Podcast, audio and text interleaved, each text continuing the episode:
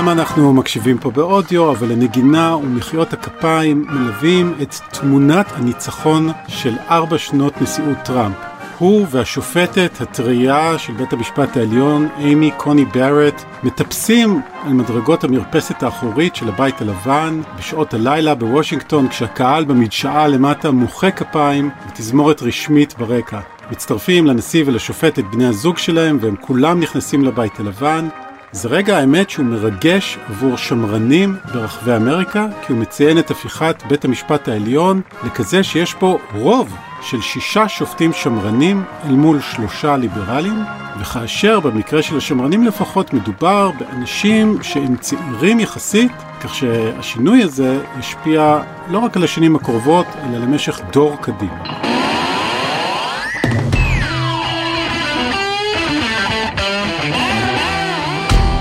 שלום וברוכים הבאים לפודקאסט המדריך לטראמפיסט. אני טל שניידר. אני אורי פסובסקי. והיום במדריך זימנו אלינו את חבר המומחים שלנו, אנשים ששמעתם פה בפוד לאורך השנה, וכל אחד מהם ייתן לנו היום התייחסות קצרה באשר למצב בימים האחרונים. יש גם שאלות של גולשים, יישארו איתנו. אז אורי, כמו בכל אחד מהפרקים בשנה האחרונה, נתחיל ככה בחדשות. כמו שציינת, השבעה של השופטת אימי קוני בארט, טראמפ סיפק את הסחורה. היא נכנסה לתפקיד כבר, וצריך להגיד, זו פעם ראשונה בהיסטוריה של ארה"ב שאישה שמרנית מתמנה לעליון.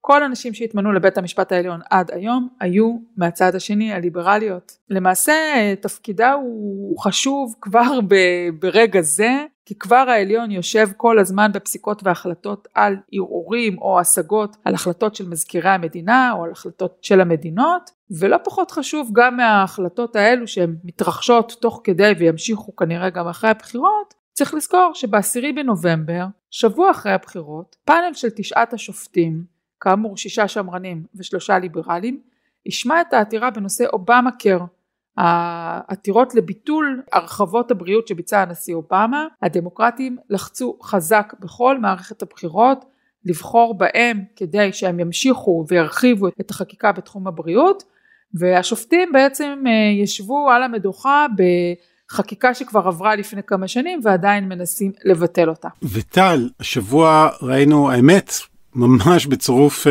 זמנים uh, למינוי של בארט. ראינו פסיקה של בית המשפט העליון uh, על וויסקונסין, פסיקה שהתקבלה ביום שני בערב, כמעט במקביל להשבעת השופטת החדשה. כן, בוא ניתן פה קצת רקע. וויסקונסין, במדינה בצפון ארצות הברית, נתנה לטראמפ את הניצחון משמעותי מאוד ב-2016, בפער של 23 אלף קולות. זו מדינה עם אה, עשרה אלקטורים, זה מספר משמעותי, והסקרים במדינה הזאת, כולל הסקר האחרון של פוקס ניוז, האחרון שלפני הבחירות, אה, מראים יתרון של אה, בין חמישה לתשעה אחוזים לביידן. יש הסקר של פוקס כאמור חמישה, סקרים אחרים מראים קצת יותר. דבר אחד אנחנו מבינים, לטראמפ יש בעיה במדינה הזאת, זו מדינה מתנדנדת, והסימנים כרגע נראים לא טובים עבורו. כן. עכשיו באפריל כשהיו שם הפריימריז, אנחנו מדברים על פריימריז שנערכו רק במפלגה הדמוקרטית, המדינה כבר הייתה בתוך הפנדמיה, בתוך הקורונה, ובגלל המצב של החולי אמרו אתם יכולים לשלוח את פתקי ההצבעה באמצעות הדואר, תביילו אותם, אתם צריכים לבייל אותם, להחתים את הדואר עד ליום הבחירות ושישה ימים לאחר מכן זה המקסימום שאנחנו נחכה למעטפות שלכם. זאת אומרת אפשרו לציבור בעצם ללכת להצביע נניח מי שהלך להצביע יום לפני או ביום עצמו כן. אפשרו לו עדיין להשתתף במערכת הבחירות. אבל אה, התקדמנו לחודש נובמבר ובית המחוקקים של ויסקונסין שהוא ברוב רפובליקני קבע שהמעטפות חייבות להגיע עד ליום הבחירות לכל המאוחר. הדמוקרטים פנו לבית המשפט וזה הגיע עד לעליון שפסק כמו שציינת השבוע ביום ב' והם קבעו השופטים שהחלטת בית המחוקקים היא הקובעת ובתי המשפט הערכאה הנוספת שבדרך לא מתערבים בהחלטה הזאת. ואתה יודע מה שהיה מעניין זה הם התחלקו בדיוק לפי החלוקה שהייתה עד עכשיו חמש שלוש זה לפני השופטת אה, בארט פשוט שלושה שופטים ליברליים פסקו שצריך להתערב וחמישה שופטים שמרנים פסקו שלא צריך להתערב. אנחנו אתה ואני קראנו קצת את הנימוקים שנתן אה, קוונו למשל והוא אמר המדינות רוצות לסיים את הבחירות הן רוצות שיהיה יום מסוים שבו הכל נגמר ולא לגרור רגליים אחרי שלישי בנובמבר והוא בעצם מסביר אם האדם שנראה כמנצח ביממה של אחרי הבחירות פתאום הופך למפסיד בגלל מעטפות שהגיעו באיחור ההאשמות של בחירות מזויפות או הונאה מסיבית יתפרצו ויגרמו כאוס. מה אתה חושב אורי?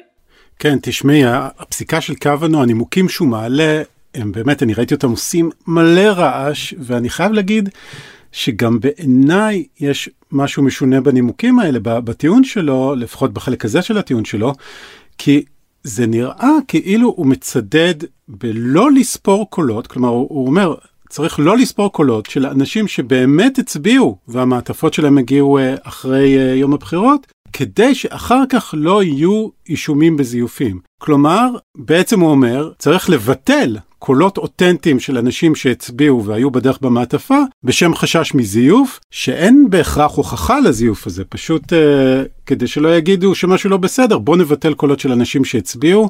טיעון משונה בעיניי. אז אני אפתיע אותך ואני דווקא גם קראתי קצת והסתכלתי ואני חושבת שהטיעון שלו הגיוני. מה הוא אומר בעצם? הוא בעצם אומר כולם יודעים מתי הבחירות, שלישי בנובמבר אנחנו יודעים את זה כבר שנים. תשלחו את המעטפות שלכם בזמן. אתם רוצים שיספרו אתכם? תלכו לתיבת הדואר ותשלחו. והוא בא ואומר חבר'ה חייב להיות פה איזשהו דדליין לכל העסק הזה צריך להגיע למצב שמדינה מקבלת הכרעה ביום מסוים כמה אפשר למרוח את זה? אני מבין מה את אומרת. אני חושב אבל שבכל זאת צריך להודות שאנחנו בשנה לא רגילה כלומר כל הערכות דדליינים האלה והכל התקבלו בגלל שאנשים מפחדים ללכת להצביע ואנחנו יודעים גם דיברנו על זה פה ששירות הדואר האמריקאי לא מתפקד כמו שצריך כלומר גם אם אנשים הצביעו מוקדם יחסית יכול להיות שהמעטפה שלהם תקועה כי הדואר לא מתמודד עם זה כמו שצריך כך שיש יש סיבה אולי הפעם קצת ללכת אה, את האקסטרה מייל מה שנקרא. טוב אנחנו רואים באמת את הדמוקרטים אה, מגיבים בזעזוע. יש הרבה על הכף אה, מבחינתם אה, בפסיקות של העליון וכמובן שחשש שלהם ועוד נשמע על זה אחר כך בפרק חשש שלהם שאנחנו רואים פה מין איזה קדימון למה שיקרה בבחירות עצמן בעליון.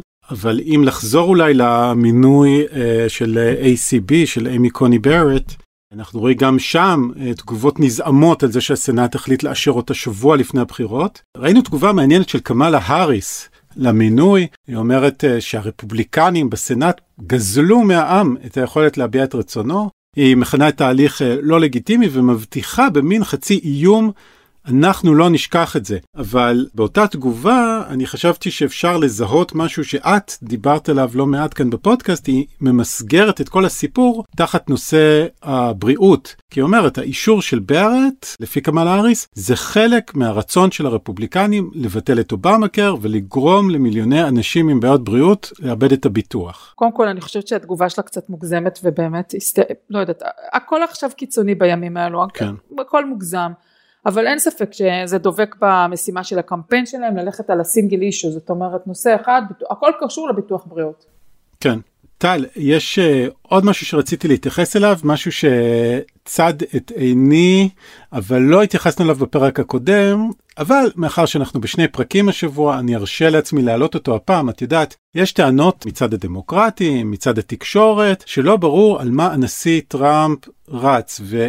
אני חייב להגיד שיש בזה מידה מסוימת של צדק, כי בניגוד לקמפיין הראשון של טראמפ, את יודעת, אז ידעו על מה הוא רץ, הוא אמר, אנחנו נבנה את החומה, אנחנו נייבש את הביצה, אנחנו נהיה אגרסיביים יותר מול סין, נגרום לנאטו לשלם, היה לו את כל ההבטחות קמפיין שלו, אנחנו נמנה שופטים. הפעם קצת יותר קשה למצוא אג'נדה מאוד מובחנת אה, שאיתה טראמפ רץ, למעט אולי נושא ה-law and order, חוק וסדר אה, שדיברנו עליו כאן. אני אציל לכם את הפרברים, הוא עכשיו כל הזמן אומר, אני כן. הצלתי לכם את הפרברים. כן, אז זה גם כן ככה משתלב and order, אה, נשמור לכם על, אה, על השקט בסוברביה. אבל אולי בתגובה לביקורת על זה ש, שאין אג'נדה מובחנת, המפלגה הרפובליקנית משחררת בחשבון הטוויטר הרשמי שלה כמה מהעדיפויות אה, של טראמפ לכהונה השנייה שלו. אוקיי, אז מה על הפרק? זהו, אז הדבר הראשון, את יודעת, זה שרשור, אה, שרשור של ציוצים, והדבר הראשון שהם שמים באג'נדה הוא להקים נוכחות מאוישת קבועה על הירח. Mm, חשוב בעידן הכלכלי הזה. כן, הדבר השני הוא לשלוח משימה מאוישת למאדים, ורק אחר כך הם אומרים לבנות את התשתית הטובה ביותר בעולם, זה הבטחה אמת אה, עוד מהקמפיין הקודם, להקים רשת אינטרנט ויירלס אה, מהירה, ואז מגיעים לפתח אה, חיסון, לדאוג שיהיו אה, אספקות אה, רפואיות אה, לכל עובדי הבריאות, דברים כאלה. בסוף מדברים גם כן עוד על בריאות, להוריד את מחירי התרופות, להוריד את הפרמיות ולכסות את ה-pre-existing conditions, שזה בדיוק אגב מה שנלחמים לבטל אותו בבית המשפט העליון. משהו עוד טל לפני שנעבור הלאה? כן, בוא נזרוק ככה כמה נתונים. 65 מיליון איש הצביעו עד כה. אה, בערך 44 מתוכם אה, עשו את זה באמצעות מעטפות אה, ששלחו בדואר או שמעטפות שהם הפקידו בתיבות. אני חושבת 20-21 מיליון הולכים לקלפיות שפתוחות מראש. אני חושבת שיש הצפה מאוד גדולה בטקסס, שם יש כמעט מתקרב לשבעה וחצי מיליון אנשים שהולכים מראש. צריך להגיד שהם הולכים מראש לקלפיות כי בטקסס אין אפשרות לשלוח בדואר. Hmm. אז אתה רואה שם באמת את המספרים המאוד גבוהים האלו, בפלורידה גם שבעה וחצי מיליון uh, כבר הצביעו uh, uh, מראש, ובפלורידה שישה מיליון, אז זה שלוש המקומות הגדולים uh, במיוחד. אני חושבת שזה לאו דווקא נותן לנו אינדיקציה אם זה דמוקרטים או רפובליקנים, אני ראיתי את הניתוחים האלו של הנטייה הדמוקרטית ואיך זה משפיע על המפה לפני ארבע שנים ולמדנו את הלקח שהניתוחים האלו היו לא נכונים ובאמת אתה לא יודע אם בן אדם שביקש מראש לקבל את החבילת הצבעה בדואר ורשום כחבר המפלגה הדמוקרטי זה דווקא אומר שהוא יבוא ויצביע דמוקרטי אין, אין פה את ה... לדעתי אין, אין לזה זה נכון שדמוקרטים נוטים קצת יותר להצביע קודם אבל הרפובליקנים לרוב מפצים על זה ביום השלושי בנובמבר. כלומר לא היית קופצת uh, להסיק מההסתערות הזאת על הקלפיות לגבי התוצאה. לא אנחנו גם לא יודעים אם זה אומר שכמות האנשים שתצביע ביום בחירות תהיה נמוכה Mm, נכון. ובסופו של דבר נשאר עם שיעורי הצבעה שהם אה, מדשדשים, באמריקה תמיד זה 40-50 אחוזים, או שיש פה איזושהי תופעה שבאמת מעפילה על כל מערכות הבחירות הקודמות. אני לא, לא יודעת להגיד לך, ונצטרך אה, להישאר במתח עוד שבוע.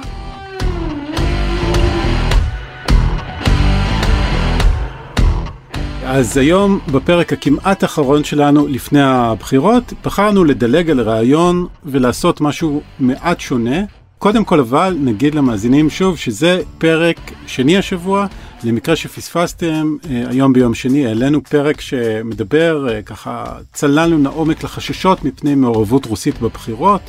התעמקנו בסיפור של הלפטופ של הנטר ביידן, או לפחות הלפטופ לכאורה, והחשדות שיש בנוגע לפריצה שאולי נעשתה שם.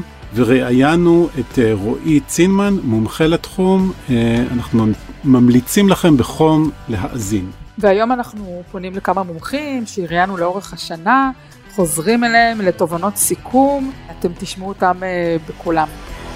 אוקיי, okay, אז בואי נתחיל עם השאלה שמטרידה את רוב הישראלים. הישראלים ברובם אוהבים מאוד את טראמפ, בטח בהשוואה אה, לפופולריות של הנשיא במדינות אחרות. אז השאלה היא האם הוא יישאר איתנו ומה יהיה אם ביידן יהיה הנשיא הבא, מה יקרה ליחסים בין המדינות. אה, פנינו לאריאל שנבל, כתב מקור ראשון שמסקר את מערכות הבחירות בארצות הברית, הנה מה שהוא אומר. ישראלים רבים חוו כטראומה את שמונה שנות אה, שלטון אובמה, בעיקר בגלל היחסים העכורים האישיים ולא רק בין שני המנהיגים ברק אובמה ובנימין אה, נתניהו. וזה נכון גם שארבע השנים האחרונות היו שנים של מין אה, תור זהב, מיני תור זהב ביחסי ישראל-ארה"ב בגלל היחס האישי הטוב והחם בין אה, בנימין נתניהו לדונלד טראמפ, וגם בגלל שממשלת ימין בישראל רואה יותר עין בעין אה, ממשל רפובליקני מאשר ממשל דמוקרטי. באותו כיוון יש גם חשש מצד רבים בימין הישראלי מעלייה של ביידן והאריס לשלטון בארצות הברית ושל המפלגה הדמוקרטית, אה, חלק חוששים משידור חוזר של אה, ממשל אובמה וחלק לא רוצים לאבד את כל הטוב הזה שהרעיף עלינו ממשל טראמפ. יש בחששות האלה משהו, אי אפשר להעלים אותם ולהדחיק אותם, אבל אני מציע זווית הסתכלות טיפה אחרת. יש הקצנה במפלגה הדמוקרטית, אה, יש שוליים אה, רדיקליים שהולכים ותופסים מקום במיינסטרים של המפלגה הזאת באופן שבעיני רבים מתחיל להיות מסוכן למדינת ישראל. אנחנו לא ניכנס כרגע לכל הסיבות ומי אשם בעיקר, אבל זאת עובדה. ובעניין הזה, דווקא ניצחון של ביידן והאריס, אם רוצים להסתכל על הכוס, על חצי הכוס המלאה, זאת אומרת אם יש אנשי ימין שחוששים מזה, אז דווקא ניצחון של ביידן והאריס יכול למתן את ההליכה הזאת שמאלה. של חלקים במפלגה הדמוקרטית, כי כידוע, דברים שרואים מכאן לא רואים משם, וכשאתה בשלטון אתה צריך להיות יותר מתון, ובהחלט יכול להיות שניצחון של ביידן והאריס ייתן לנו מפלגה דמוקרטית אה, מתונה יותר ביחס שלה לישראל, שלא לדבר על זה שביידן והאריס עצמם שייכים לאגפים המתונים יותר במפלגה הדמוקרטית. ניצחון של טראמפ דווקא יכול למצוא אותנו בשנת 2024 עם אה, מפלגה דמוקרטית רדיקלית ממש, או רדיקלית הרבה יותר ממה שהיא עכשיו, ולכן גם לאנשי ימין שחפצים בהמשך שלטונו של טראמפ ומבחינת היחס ל- לישראל, אפשר גם להסתכל על חצי הכוס המלאה במקרה שביידן ינצח. כך או כך, מי שיקבע זה אזרחים אמריקאים ולא אנחנו. תודה אריאל. אני רק רוצה להוסיף, אה, אורי, משהו שאתה ואני דיברנו עליו פה בעבר, אנחנו לא יודעים לצפות אם טראמפ אה, ייבחר מחדש, אנחנו יודעים שהוא הרי לא צפוי. אבל האם הוא ימשיך להיות מחויב לבייס האבנגליסטי שלו? האם הוא יוכל להביא מהלכים, אפילו ללחוץ את ישראל כי הוא ירגיש הרבה יותר משוחרר והוא ירגיש שזה ארבע שנים שבהם הוא יכול לעשות מה שהוא רוצה ואתה יודע יש איזושהי תחושה שאם הוא ייבחר פעם נוספת אז אנחנו נראה בתחום של אה, הפלסטינים אולי באמת מהלכים אה, יותר אגרסיביים מצידו. מה שבטוח כשמדברים על הפופולריות של אה, טראמפ בישראל זה שצריך להנגיד אותה לחוסר הפופולריות של טראמפ בקרב אה, רוב הקהילה היהודית בארצות הברית שיוצאת בהמוניה נגד הנשיא טראמפ. נכון, אז אה, בואו נשמע את אה, שמואל רוזנר, עיתונאי, חוקר, עמית בכיר במכון למדיניות העם היהודי, והוא מצטרף אלינו להסביר קצת את הזווית היהודית שבוע לפני הבחירות. יהודי ארצות הברית, ואנחנו כמובן מדברים כאן בהכללות, הם חבורה פוליטית מאוד. יש להם הרבה מאוד ארגונים שמייצגים אותם בזירה הפוליטית, הם חותמים על אה, עצומות פוליטיות, הם תורמים הרבה מאוד כסף לפוליטיקה. למעשה, על פי השמועות, המפלגה הדמוקרטית לא יכלה ממש להתקיים אלמלא הייתה מקבלת את הכסף שהיא מקבלת מהיהודים. וכמובן ביום הבחירות עצמו הם גם הולכים להצביע בשיעור הרבה יותר גבוה לעומת שיעורם הזעיר באוכלוסייה האמריקאית הכללית. כל זה גורם להם להרגיש שההצבעה שלהם הרבה יותר חשובה מכפי שהיא באמת, הרבה יותר מכרעת מכפי שהיא באמת. יהודי ארצות הברית מצביעים כמעט תמיד למועמדים דמוקרטיים, גם הפעם הם יצביעו למועמדים הדמוקרטיים. על פי סקרים מהשבועיים שלושה האחרונים, אנחנו מעריכים שכ-70-75% מהיהודים באמריקה יצביעו לג'ו ביידן, אבל למעשה, וגם זה קורה לעיתים קרובות, הרבה יותר מכפי שהם יצביעו בעד ג'ו ביידן, הם יצביעו נגד דונלד טראמפ. הם פיתחו כלפיו אברסיה מיוחדת, לא שאהבו אותו במיוחד ב-2016, אבל היום הם אוהבים אותו עוד הרבה פחות. היחס החיובי שלו, היחסים הטובים שלו עם ישראל, נותנים לו אולי נקודה ורבע של זכות, אבל אלה נקודה ורבע לעומת מאות נקודות של חובה. הם לא אוהבים את היחס של טראמפ למהגרים, הם לא אוהבים את היחס שלו לכלכלה, הם לא אוהבים את היחס שלו לביטוח בריאות, הם לא אוהבים כמובן את הלשון הגסה והמשתלחת שלו, ויש להם תחושה שהוא מחדד את הקיטוב בארצות הברית, הוא מסית אוכלוסייה אחת נגד אוכלוסייה אחרת, והיהודים צריך לזכור הם מיעוט קטן בארצות הברית, כאשר אוכלוסיות מוסתות אחת נגד השנייה, הם אלה שעלולים להיות הקורבן, לא המנצח בנסיבות כאלה. לכן, שוב, משאלים ממש מהשבועיים האחרונים, כאשר שואלים את יהודי ארצות הברית על מצב האנטישמיות, א', הם מגלים דאגה גדולה, נדמה להם שהאנטישמיות במגמת עלייה וחוזרת, ואם תשאלו אותם את מי הם מאשימים בתופעה הזאת, בחלק גדול מהמקרים הם יאשימו את דונלד טראמפ ואת המפלגה שלו, הם אלה שמגלים בעיניהם סימנים מסוימים של אנטישמיות, הם אלה שמסכנים בעיניהם את קיומו של המיעוט היהודי הקטן בארצות הברית. אז זהו, הם יצביעו נגדו יותר מאשר בעד השני, אבל גם בעד השני, ויחכו לספירת הקולות בתקווה גדולה מאוד שהם לא צריכים לעבור עוד ארבע שנים של דונלד טראמפ. אז אם יש משהו יציב, בסופו של דבר זו הצבעת היהודים. לא תהיה הפתעה אם הם יתמכו במועמד הדמוקרטי, הם עם הדמוקרטים הרבה מאוד שנים. בוא נעבור לדבר על ה base אה, של שני הצדדים, מה קורה עם ה base של טראמפ. אנחנו פונים לקובי ברדה, ראש תוכנית גל למנהיגות חברתית במרכז האקדמי שערי מדע ומשפט ומחברו של הספר המפתח להבנת דונלד ג'יי טראמפ. קובי מנתח את את האפשרות של טראמפ לנצח ומרגיש בבטן ככה שהולך להיות פה ניצחון לטראמפ אז תקשיבו. אני מעריך שאני כנראה הקול השונה פה זה ששוחה נגד הזרם של אה, מבול הסקרים שנותנים אה, לביידן את היתרון בפלוס שבע עד אה, דו ספרתי. אני מאמין שטראמפ ינצח לא רק בגלל שאני מסתמך על מכון טרפלגר שהיה זה שצדק עד רמת האלקטור ב-2016 וגם בלא מעט ממרוצי האמצע ב-2018 לא בגלל התחזית אה, של מורגן ולא בגלל אה, יחסי ההימורים שבצורה משמעותית יותר טובים אה, לטראמפ בורסות ההימורים, אלא דווקא בגלל ואולי בעקבות זה שאנחנו נמצאים כבר בתחילתו של גל ההצבעה ויש לנו כבר בזמן שאנחנו מדברים מעל 50 מיליון מצביעים וזה מייצר לנו אפשרות לראות דפוסי הצבעה. כדי שטראמפ יוכל לנצח, הוא צריך קודם כל ולפני הכל לקחת את כל המדינות שהוא לקח בפעם הקודמת, שהן מה שמוגדר כאדומות, או כאלה שיש להם זיקה אדומה, ובתוכן כמובן ג'ורג'יה, טקסס, אה, צפון קרוליינה, אריזונה וכן הלאה. ובעצם נוצר לו מאותו רגע שלושה נתיבים לניצחון. נתיב אחד לניצחון זה להסתפק בהצבעה של פנסילבניה בעדו. התרחיש הזה נותן לו את הסבירות הכי נמוכה, אני דווקא אה, מעריך בנקודת הזמן הנוכחית שכנראה זה כן ילך בסופו של דבר לביידן. אה, הנתיב השני זה בעצם אפשרות לבחור או להיבחר במישיגן. פה אני לא יודע להגיד על פי דפוסי ההצבעה עד כה, דווקא יש דפוסי הצבעה מאוד חזקים של צעירים במישיגן, הקולות אה, די באמצע. זה אה, כנראה יישאר בעדיפות שנייה, ובעדיפות uh, שלישית שלטעמי העדיפות המנצחת זה לקחת uh, שתיים מתוך שלוש המדינות, אחת וויסקונסין שהוא כבר הפך ב-2016, ולצרף uh, שתיים או אחד נוספת כאשר מדובר uh, במדינות מיניסוטה שמאז 1972 דמוקרטית, ובנבדה שמאז 2008 דמוקרטית. ההערכה שלי שוויסקונסין ונבדה שלו, ומפה בעצם הוא הבטיח את הניצחון שלו. יכול להיות שיתווספו עוד מדינות, אבל אני מעריך שזה ה... נתיב של טראמפ לבחירה מחדש ב-2020. תודה לקובי, אני רק רוצה להוסיף, ככל שמחליטים להסתמך על סקרים, אז זה מעט בעייתי ככה ללכת על חברת סקרים אחת, למשל חברה מסוימת בוויסקונסין, הרבה סוקרים מראים סיפור שונה בוויסקונסין, ואפילו חברת הסקרים אה, טרפלגר שקובי אה, מדבר עליה, היא נתנה לביידן שניים פלוס בוויסקונסין, אז גם פה אני ככה, אה, קיצור, סקרים, זהירות, לא להתבשם. מנגד, את יודעת, בכל זאת שנה משוגעת, מעטפות, הצבעה מוקדמת, הזכרנו את הבחישות שמה ואת הפסיקה של בית המשפט העליון, יכול להיות שבאמת יש דברים שלא רואים בסקרים האלה. מה קורה ב base הדמוקרטי? היה לנו, אם אתה הולך אחורה לתקופת הפריימריז והעימותים הגדולים בתוך המפלגה הדמוקרטית, אה, דיבור נרחב על האגף הפרוגרסיבי שמנסה למשוך שמאלה. ביידן והאריס עשו קמפיין דווקא יותר ממורכז. ממש לא הלכו לקצוות כדי לחפש תומכים. בסך הכל ניסו להביא את השוליים אליהם, והשוליים התאמצו לבוא ולא להפריע אני חושבת. מה אתה אומר?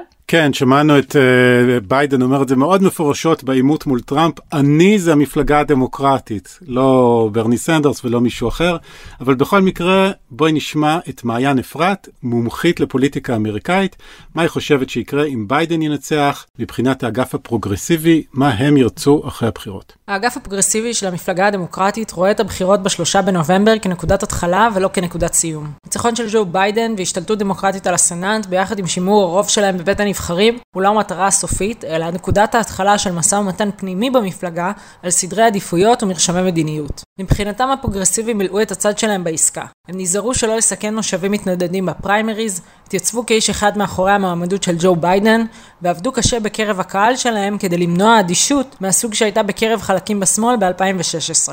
הדרך שלהם לגייס את התומכים הייתה בהבטחה שהם לא בוחרים את המועמד האידיאלי, אלא זה שיהיה הכי קשוב לדרישות שלהם, ובשפת הפוליטיקה יהיה תלוי יותר בקולות שלהם. לאגף של זה של המפלגה לא חסרות תוכניות שהם ישמחו לשים לפני ג'ו ביידן, אבל נראה שבראש סדר העדיפויות נמצאת רפורמה נוספת בביטוחי הבריאות והעברת תוכנית מקיפה להתמודדות עם שינוי האקלים. המטרה המוצהרת של אלכסנדריה אוקסיו קורטז ואחרים היא לנצל את ההשפעה הגוברת שלהם במפלגה ולגרור את ביידן אפילו שמאלה יותר ממה שהוא התחייב אליו בקמפיין הבחירות. כיסוי ציבורי נדיב יותר במסגרת החקיקת ההשלמה לאובמה קייר, רגולציה מחמירה יותר על חברות האנרגיה, וגם שורה ארוכה של שינויים בחוקי ההצבעה, שיאפשרו ליותר אזרחים להשתתף במשחק הפוליטי. האגף הפרוגרסיבי במפלגה הדמוקרטית מאמין שלמדיניות שהם מקדמים יש תמיכה ציבורית רחבה, וממשל ביידן עם מנדט ציבורי רחב צריך לנצל את ההזדמנות ולהוביל אג'נדה חקיקתית ענפה. אוקיי, אוקיי, דיברנו על הדמוקרטים, על הרפובליקנים, בואו נעבור לנושא של השיפוט, המשפט. אה, נעזרנו השנה מספר פעמים בדוקטור אודי זומר, ראש המרכז לחקר ארה"ב באוניברסיטת תל אביב, בשיתוף תוכנית פולברייט. בלילה, כאמור, שבין שני לשלישי, הסנאט הצביע לאשר את איימי קוני בארט, והיא כבר הושבעה ונכנסה לתפקידה. עוד קצת על העליון עם אודי זומר. במידה מסוימת מדובר בגולת הכותרת של הישגיו בבתי המשפט, הרי הוא נשיא שהצליח למנות קודם כל לבתי המשפט הפדרליים הנמוכים יותר, יותר שופטות ושופטים מקודמיו ביחד, ובנוסף לזה הוא בעצם מינה למעשה שלושה מתוך תשעת השופטות והשופטים שמכהנים בבית המשפט העליון, כולל החלפה, שני השופטים הקודמים שלו, אה, גורסיץ' וקוונו, לא באמת שינו את המאזן האידיאולוגי, אבל אימי קוני ברט מחליפה את אה, אה, רות ביידר גינסבורג, היא באמת שינוי מאוד משמעותי באיזון האידיאולוגי בבית המשפט העליון, בעצם יוצרת מצב שבו יש שישה שופטים שמרנים מכהנים אל מול שלושה ליברליים. מה המשמעות של זה מבחינה אלקטורלית? זה לא מסוג ההישגים המשמעותיים שעצמאים יבואו ויצביעו בגללם לטראמפ עכשיו. זאת אומרת, היכולת של טראמפ עכשיו למשוך אנשים מהמחנה השני כנראה לא תעלה בגלל זה, אבל מה שיכול להיות משמעותי במיוחד זה העובדה שה base של טראמפ יכול מאוד להתלהב מזה. ה base של טראמפ שנושאים כמו אה, הפלות, נישואים של, וזכויות של אה, מיעוטים מיניים, חופש דת וכולי, מאוד מאוד חשוב להם. יש סיכוי שזה יפיח התלהבות יוצאת דופן ב base, וזה יכול להיות קריטי במדינות כף המאזניים, וביכולת של טראמפ בכל זאת להצליח במדינות האלה במערב התיכון, מה שכרגע לפחות לפי הסקרים הוא עדיין מפגר אחרי ביידן. מעבר לכך, המינוי הזה, במידה ולא תהיה הכרעה ברורה של תוצאות הבחירות במדינות אה, מסוימות, בייחוד במדינות כף המאזניים, ובמדינה ויהיה שחזור, ההיסטוריה לא חוזרת על עצמה, היא כנראה מהדהדת את עצמה, כן, אבל יהיה איזשהו שחזור בגרסה כזאת או אחרת של אה, אה, מה שקרה בפלורידה בשנת 2000, זאת אומרת בסוף הקייס יגיע לבית המשפט העליון, הרי שהעובדה שאימי קוני ברט נמצאת שם והרוב המוצק שיש לטראמפ ולשופטות ולשופטים השמרנים יכול להשפיע. בסוף הקייס שהגיע בפלורידה בשנת 2000, אה, אה, בוש ויגור, עירב אה, מספר גדול של אספקטים חוקיים, כן, החל מאספקטים סטטוטוריים של המדינה, של פלורידה, ועד אספקטים חוקתיים של החוקה האמריקאית, כמו הסעיף של שמירת שוויון תחת החוק בתיקון ה-14 לחוקה. כנראה שלא יהיה בדיוק שחזור של העניין הזה, אבל במידה ובו באמת, הרי שהסיכוי שהמינוי הזה כבר בטווח הקצר יהיה משמעותי מעבר להשלכות ארוכות הטווח שלו, שמינוי לכל החיים של שופטת שמרנית הוא בהחלט הישג משמעותי שטראמפ יכול להציג לבוחרים ולבוחרות שלו. אז פה אני מצרפת uh, שאלה של אחד הגולשים, איתן, בבקשה שאלתך. היי טל ואורי, בהנחה שאימי קוני ברט uh, אכן ממונה לעליון, מה יהיה הנתיב של טראמפ uh, במידה והוא רוצה לערער על חוקיות הבחירות? איך נראה ההליך מול בית המשפט העליון? האם הוא צריך לעבור קודם דרך בתי משפט נמוכים יותר? כמה זמן זה בדרך כלל לוקח? נסו לתאר את התרחיש הזה של מה קורה ברגע שטראמפ מנסה לשכנע את בית המשפט העליון שהבחירות אינן חוקיות. להיות. טוב, אז איתן הקליט את הקטע שלו לפני שהיא הושבעה, אבל כמובן היא כבר בפנים, ובאמת השאלה הגדולה היא איזה עתירות יהיו ומה יהיו החוקים הרלוונטיים, ואיתן רוצה לדעת אה, איך טראמפ יכול אה, לערער. אז קודם כל אני רוצה להזכיר שבשימוע שלה בסנאט, אה, בארט אמרה שהיא מפרשת את החוקה ואת החוקים באופן מאוד דווקני, בלי לצקת את התוכן האישי שלה פנימה. מה שנכתב בחוק זה מה שהיא מתיימרת ליישם. ואת ה... יש תזוזה טקטונית השבוע של בית המשפט העליון לכיוון אה, ימין ודווקא נשיא העליון רוברטס ברוב המקרים, אני לא רוצה להגיד בכולם, אבל הוא נטה ללכת עם הצד הליברלי בלא מעט פסיקות, אולי מתוך תחושה כזאת של מחויבות שלו למערכת איזונים ובלמים. באופן עקרוני אבל מה טראמפ יכול לעשות? השאלה היא באמת עצומה ואנחנו צריכים להסתכל איפה, איפה טראמפ בוחר למקד את הטענות שלו, איפה הכוונה מתוך המדינות המתנדנדות. כי אם הוא יזכה באופן מוחץ בפלורידה, אז ברור שאין לו מה לעתור שם. אבל אם הוא יהיה בפערים קטנים בשתיים עד שלוש מדינות שביחד מספר האלקטורים שלהן יכולות להפוך את המפה, נניח אה, אה, אוהיו, ויסקונסין, לא ויסקונסין פחות, אולי אוהיו, אה, אולי פנסילבניה ועוד מדינה, אריזונה נניח, אז ייתכן שבמקומות הללו יתחיל לגלגל הליכים. ואנחנו דיברנו על זה קודם, מדינות כמו ויסקונסין בהם המפלגה הרפובליקנית חוסמת או לא מאפשרת לבצע ספירת מעטפות שמגיעות אחרי השלישי בנובמבר, אז שמה יכול להיות, זאת אומרת במדינות שציינתי קודם, אוהיו, אריזונה, או ג'ורג'יה אולי, יכולים להתחיל מעין ויכוחים כאלו, ואז זה נורא תלוי איזה חוקים טראמפ יבחר להתעסק איתם.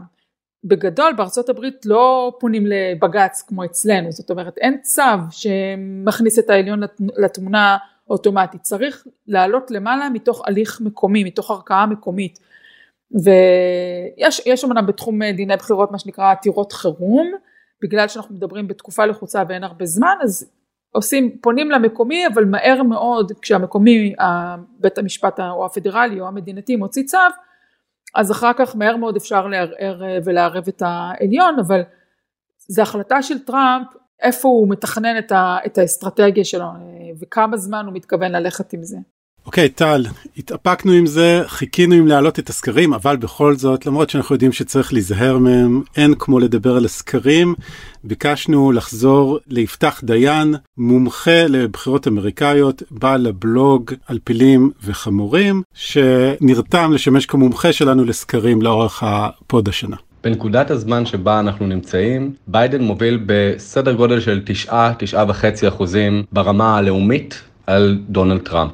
זו הובלה גדולה יותר משמעותית מזו שקלינטון החזיקה בתקופה המקבילה ב-2016, כאן היא כבר צנחה לאזור השלושה וחצי אחוזים, בעצם ביידן רושם הובלה יציבה שהוא מחזיק לאורך זמן רב. במדינות חגורת החלודה, וויסקונסין, מישיגן ופנסילבניה, אותן שלוש מדינות שהעניקו לטראמפ את הניצחון ב-2016, ביידן מוביל בסדר גודל של 6 עד 7 אחוזים. זה נראה די יציב, ומחוץ לגודל הטעות הסטטיסטית, מה שבעצם הופך את המדינות האלו לנוטות לדמוקרטים על פי רוב המודלים, ובכל זאת די דומה לסקר שהחזיק את הילרי קלינטון באותה תקופה במדינות הללו, לממוצע הסקרים, מה שאומר שאם הטעות תחזור על עצמה, אנחנו נהיה בטריטוריה די דומה לזו שהיינו בה ב-2016. האינדיקציה העיקרית לכך שאנחנו אולי לא נמצאים באותה טריטוריה, היא שביידן בניגוד לקלינטון מוביל הרבה יותר ברמה הלאומית. מדינות נוספות מעניינות בשלב הזה הן איואה וג'ורג'יה, שתי מדינות שטראמפ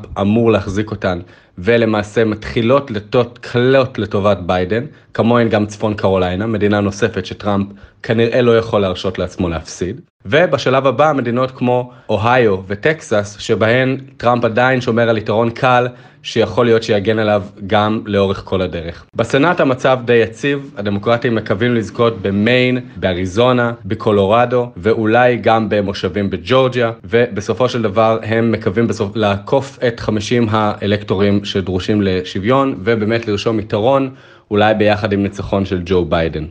גם בצפון קרוליינה ובאיווה יש מרוצים צמודים שהדמוקרטים חושבים שיש להם סיכוי לא רע לקחת, ובמקביל הם נערכים להפסד באלבמה של דאג ג'ונס שנבחר ב-2017 בבחירות מיוחדות. תסריט שכזה יעמיד את הדמוקרטים על 51 סנטורים, רוב דחוק, אבל רוב. הם מקווים למצק איכשהו את היתרון הזה ולהגדיל אותו במעט עם איזשהו ג'וקר שיוכלו לשלוף במונטנה, בקנזס, באלסקה, דרום קרוליינה או אולי אפילו טקסס. ואני מצרפת גם שאלה של איציק, בוא נשמע.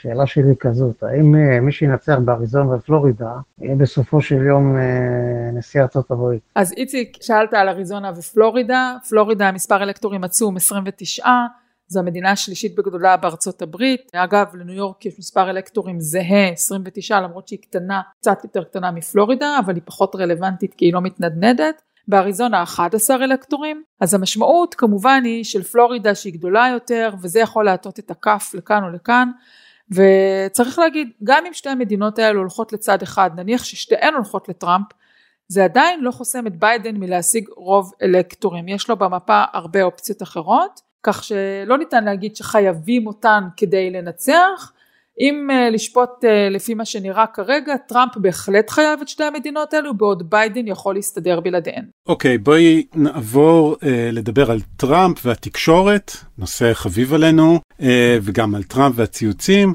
יש לנו פה התייחסות של דוקטור נועה לביא, ראשת החטיבה לתקשורת פוליטית במכללה האקדמית תל אביב-יפו. היא הייתה עד לאחרונה בשנת שבתון באוניברסיטת שיקגו, דיברנו איתה משם, בינתיים היא חזרה לארץ. רגע לפני הבחירות בארצות הברית שווה להקדיש שנייה לסוגיית טראמפ והתקשורת האמריקאית. בתקופה של מגפה היסטורית שתובעת מחיר עצום מהאמריקאים במובן של חיי אדם ובמובן הכלכלי, הצליח טראמפ לשלוט שוב באמצעי התקשורת הממוסדים בישורת האחרונה לפני הבחירות, וזאת באופן בולט וכמעט בלעדי. תכף נדבר על זה.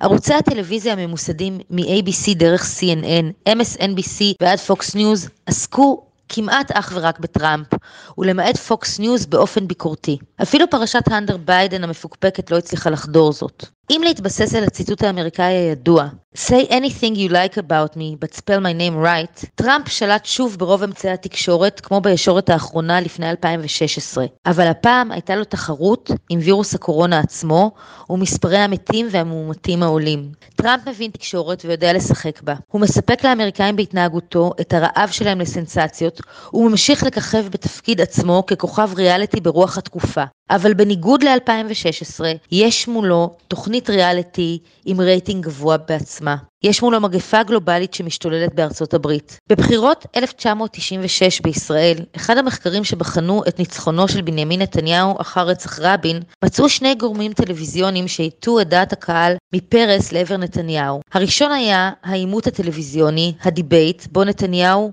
האפיל על פרס. הגורם השני היה משהו שלא היה קשור ישירות לנתניהו, אבל שינה את עמדת הציבור בישראל. הדבר הזה היה הסיקור החי האינסופי של פיגועי התופת בישראל.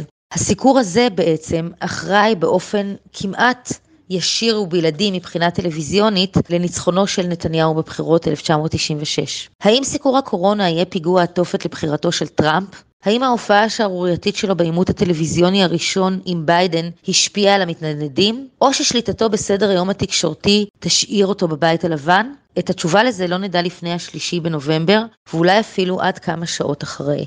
אז נועה כמובן התייחסה למערכת היחסים המורכבת של הנשיא עם התקשורת, שגם בעצם ב-2016 ככה למעשה עזרה לו עם סיקור אינסופי. ב-2020 יש תחושה שהתקשורת מתמסרת פחות ונזהרת. יש לנו פה uh, גם שאלה של uh, אחד המאזינים, ירון כהן. בוא נשמע את השאלה.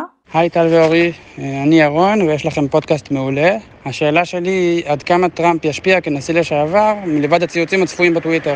אוקיי, okay, אני חושב שקצת מוקדם אולי להכתיר את טראמפ אה, בתור נשיא לשעבר כמובן. אפשר אולי להגיד שהיכולת של טראמפ לייצר סדר יום, להוביל אותו באמצעות 280 תווים, עם משהו שראינו עוד לפני שהוא נבחר לנשיאות, אם כי אז אני חושב שזה היה 140 תווים, הוא למשל היה אחד המובילים בין ה-birthers, אלה שטענו שאובמה, הנשיא בזמנו בכלל לא נולד בארצות הברית ולא יכול להיות נשיא. יש להניח שאם הוא ייבחר הוא ימשיך עם זה, למרות שטראמפ אה, כועס על אה, טוויטר, אה, החברה טוויטר, על תיוג חלק מהציוצים שלו כלא אמינים. מה שכן השאלה האם במקרה שהוא מפסיד הוא בכלל ירצה להישאר בתמונה כלומר ראינו את טראמפ מדבר בהצהרות על כך שבא לו לעלות על טנדר ולנסוע או לעזוב את ארצות הברית אם הוא יפסיד אולי פשוט יפרוש למר הלאגו וזהו אבל באותה מידה אני לא בטוח כמה ג'ו ביידן יישאר מעורב בפוליטיקה הארצית אם הוא לא יזכה, אבל כאמור, זה ספקולציות ליום שאחרי, שאחרי אחרי הבחירות כמו שקוראים. כן, אנחנו לא שם כרגע. אה, אם כבר העלינו את נושא הרשתות החברתיות, אז דווקא יש נקודה מעניינת. אני חושבת בליל הבחירות, אפילו בבוקר שלמחרת, יש מצב שטראמפ זה גם יכול לקרות שביידן, אבל uh, כרגע מדברים על טראמפ, שהוא יכריז ניצחון ברשתות החברתיות, ולמעשה לא ייתן לרשויות בכל המדינות הללו לסיים לספור. הוא לא יגיד אוקיי אני ממתין למה שבפנסילבניה אומרים ואני ממתין למה שאומרים בפלורידה, אלא הוא פשוט יגיד זהו ניצחתי. אה, אחת מההנחות היא שהוא אומר את זה על בסיס האנשים שהגיעו פיזית להצביע ביום הבחירות תוך שהוא מתעלם מאותו סיפור של המעטפות, אנחנו יודעים שבפנסילבניה אפשר לשלוח את המעטפות עד שלושה ימים אחרי, זאת אומרת לא לשלוח אלא אפשר, יכול, אפשר לקבל עדיין מעטפות שלושה ימים אחרי. כן. אה, ואם פנסילבניה תהיה בסופו של דבר המדינה הנדנדת האולטימטיבית, אז אני, אני מבינה מחברות טוויטר ופייסבוק שהן הולכות לעשות מאמץ שלא להפיץ מידע שגוי של זהות המנצח. זאת אומרת, אפילו ברמה של מודעות והכרזות וכרזות שבאות ואומרות מי הצד המנצח, אה, החברות האלו הודיעו כבר שהם יאטו את ההפצה של החומרים האלו. אורי, זה מתחבר לשאלה האחרונה שלנו פה היום מאחד הגולשים המאזינים שלנו, עקיבא, אליך. אני רואה הרבה רתיעה משני המועמדים, גם מטראמפ אבל גם מביידן, כל אחד מהסיבות שלו, ואני תוהה, לצורך העניין, אם טראמפ ינצח, האם הצד השני ידע לקבל את ההפסד, או שהאם הוא עדיין עוד ארבע שנים של ניסיונות של חקירות? מה עומד לפנינו בעצם? טוב עקיבא זו השאלה הגדולה מכולן. במפלגה הדמוקרטית אה, נמתחה ביקורת אה, רבה על כך שאל גור בשנת 2000 הרים ידיים ובסוף אה, עשה פשוט נתן מה שנקרא נאום הפסד שבו הוא אמר יאללה בוש ניצח. יש שם לחץ פנימי לא לוותר ולעתור ולא לא, לא לוותר על הספירות החוזרות ועל הוויכוחים המקומיים. בצד של טראמפ אנחנו שומעים, שומעים ממנו כבר הרבה מאוד זמן לפחות מאפריל שהשיטה כולה נגדו, שהנושא של המעטפות זה בעצם דרך להונות ולגרום לו להפסיד, והאמת היא שכל תוצאה שתהיה מאוד מכרעת, זאת אומרת עם סחף לכאן או לשם, תשתיק את הצדדים אני מאמינה, כל תוצאה שהיא לא כזו חד משמעית, אה, אין ספק תייצר אה, כאוס רב. כן, ואם להסתכל ככה מעבר ליום הבחירות, אלא קצת אה, לתוך הקדנציה, אני אישית חושב שאמריקה מפולגת כפי שלא הייתה הרבה זמן, אבל הרבה מהפילוג הזה הוא סביב דמות ספציפית, הדמות של הנשיא טראמפ, כלומר זה לא רק פערים אידיאולוגיים, זה גם הדמות האישית שלו שמייצרת הרבה הזדהות במפלגה הרפובליקאית והרבה אנטגוניזם במפלגה הדמוקרטית. אני הייתי חושב שלפחות במקרה של ניצחון של טראמפ, אולי גם במקרה של ניצחון של ביידן אנחנו הולכים לראות אה, את אותו הפילוג הפוליטי ממשיך. לא יודע מה את חושבת על. אני מסכימה איתך. אבל רוצה להגיד שבפודקאסט אין פילוג ולכן אני רוצה אה, להודות לכל המאזינים ששלחו שאלות והשתתפו ולכל המומחים שלנו אנחנו פה מאוחדים במדריך לטראמפיסט אז תודה לכם. כוחנו באחדותנו.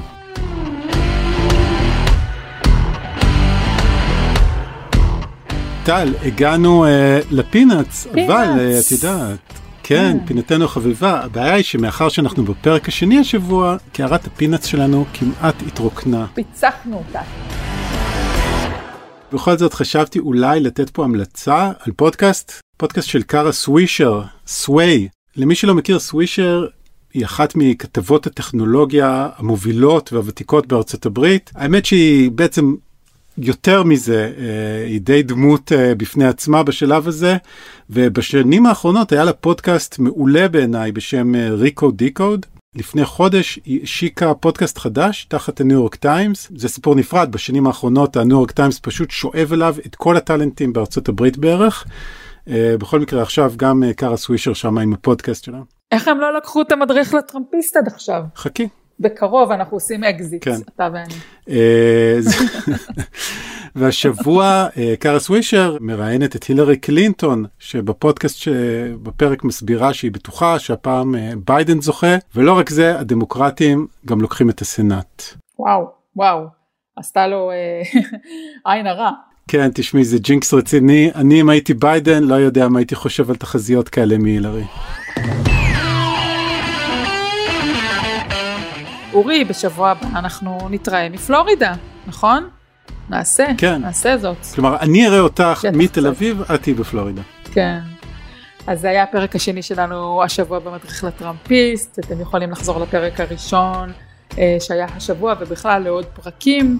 אה, מציעים לעקוב אחרינו ברשתות החברתיות, אה, נעלה תמונות ותכנים גם מפלורידה וגם סקרים ובכלל באתר גלובס יהיה סיקור מאוד רחב. בעמוד הפייסבוק של גלובס נעשה קצת לייב וקצת תדרוכים מפלורידה על מה הולך שם והפדקאסט יעלה כמו בכל אה, שבוע בכל האפליקציות ויהיה לנו עוד פרק אחד לפני הבחירות אז תאזינו לנו. אה, תודה לעורך הפודקאסטים רון טוביה. אני טל שניידר. אני אורי פסובסקי. להתראות. ביי.